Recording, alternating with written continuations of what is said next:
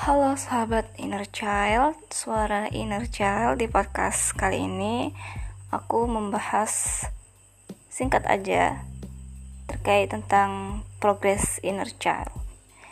Jadi yang namanya trauma, masa lalu yang membuat hari ini sulit move on, gak produktif, itu bukan hanya berkaitan dengan masalah di masa kecil tapi kemarin-kemarin beberapa bulan yang lalu mungkin atau setahun yang lalu dua tahun yang lalu itu yang masih relate belum bisa disembuhkan atau dimaafkan itu juga sangat mengganggu di hari ini.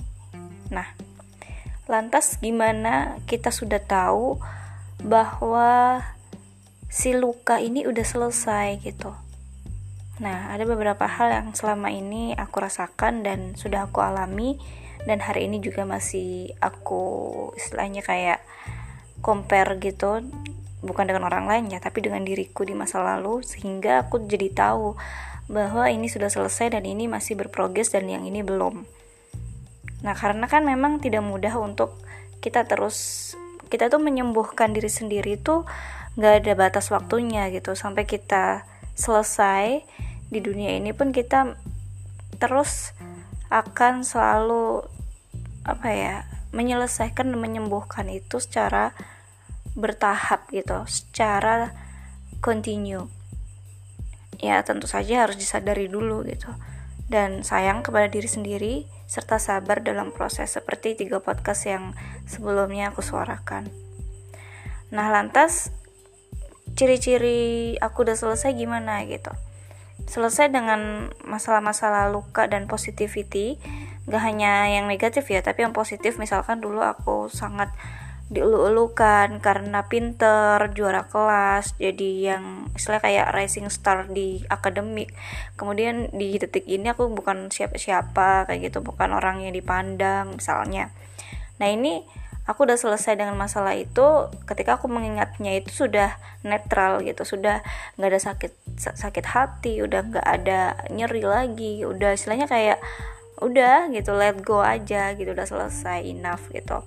Nah masalahnya kalau misalkan ada masalah yang detik kemarin atau beberapa pekan lalu, bulan lalu, tahun lalu mungkin dengan seseorang atau beberapa orang yang istilahnya kayak membuat diri jiwa ini clutter tidak nyaman selain bikin insecure bikin diri ini un, apa ya uncontrol gitu dengan emosi bakal menyakiti diri sendiri. Nah itu ada juga batas-batas di mana aku harus uh, skip dulu lah gitu istilahnya aku nggak menanggapi dulu karena ketika ditanggapi bahkan ketika direspon gitu tuh malah menjadi istilahnya kayak blunder atau tambahan masalah baru gitu. Dan ini beberapa pekan dan bulan yang lalu itu aku alami juga gitu. Jadi kayak ada masalahnya sebenarnya uh, dia masalahnya dengan orang gitu. Tapi kemudian uh, istilahnya kayak menunjukkannya itu ke aku gitu. Jadi kayak gara-gara aku dia kayak uh, kesal gitu. Padahal aku nggak masalah gitu. Hanya karena masalah miskomunikasi di beberapa tahun yang lalu. Tapi itu beneran kayak dia apa ya dia ungkit-ungkit gitu. Kayak dia setelah keluarin semua setelah aku komunikasikan gitu. Dan aku oh ternyata dia terluka di masalah ini gitu. Padahal aku sih udah uh, apa ya aku udah lupa kayak gitu nah setelah itu aku minta maaf ya karena memang orang yang istilahnya kayak emosi ke kita itu yang nggak bisa kita lawan dengan emosi gitu. Ya udah minta maaf dan cooling down aja gitu. Tapi setelah diperbaiki ternyata bikin masalah baru kayak gitu. Dan ini aku udah nggak bisa istilah kayak um, tolerance gitu ya. Kayak istilahnya udah aku maafin lagi maafin lagi gitu. Jadi udah aku diemin. Dan sampai detik ini juga aku udah nggak mau bahas lagi gitu. Karena ya memang bikin bikin sakit kayak gitu. Karena kadang orang itu nggak bisa kita ubah atau kita beritahu di mana dia uh, frekuensinya itu merasa di atas gitu. Merasa paling benar merasa yang yang nggak ada masalah apa ya nggak ada dosa atau nggak ada salah gitu. Jadi kayak permintaan maaf pun kayak ada cuma di atas bibir aja gitu karena frekuensinya aku termasuk orang yang bisa merasakan frekuensi gitu. Frekuensi seorang ketika aku telepon atau aku ajak bicara tatap muka gitu. Tapi kalau misalkan melalui teks gitu aku nggak terlalu bisa. Karena memang aku nggak nggak apa ya tergantung energiku saat membacakan tapi kalau misalkan aku dengar suara terus bisa tatap muka uh, bisa ketemu face to face itu aku bisa ngerasain itu gitu. Jadi kayak nggak tahu ya kelebihan atau kekurangan tapi yang jelas ini mengganggu banget. Akhirnya aku udah aku close.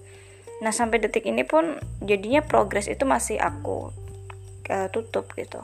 Untuk masalah-masalah yang lain sih sebenarnya nggak ada masalah.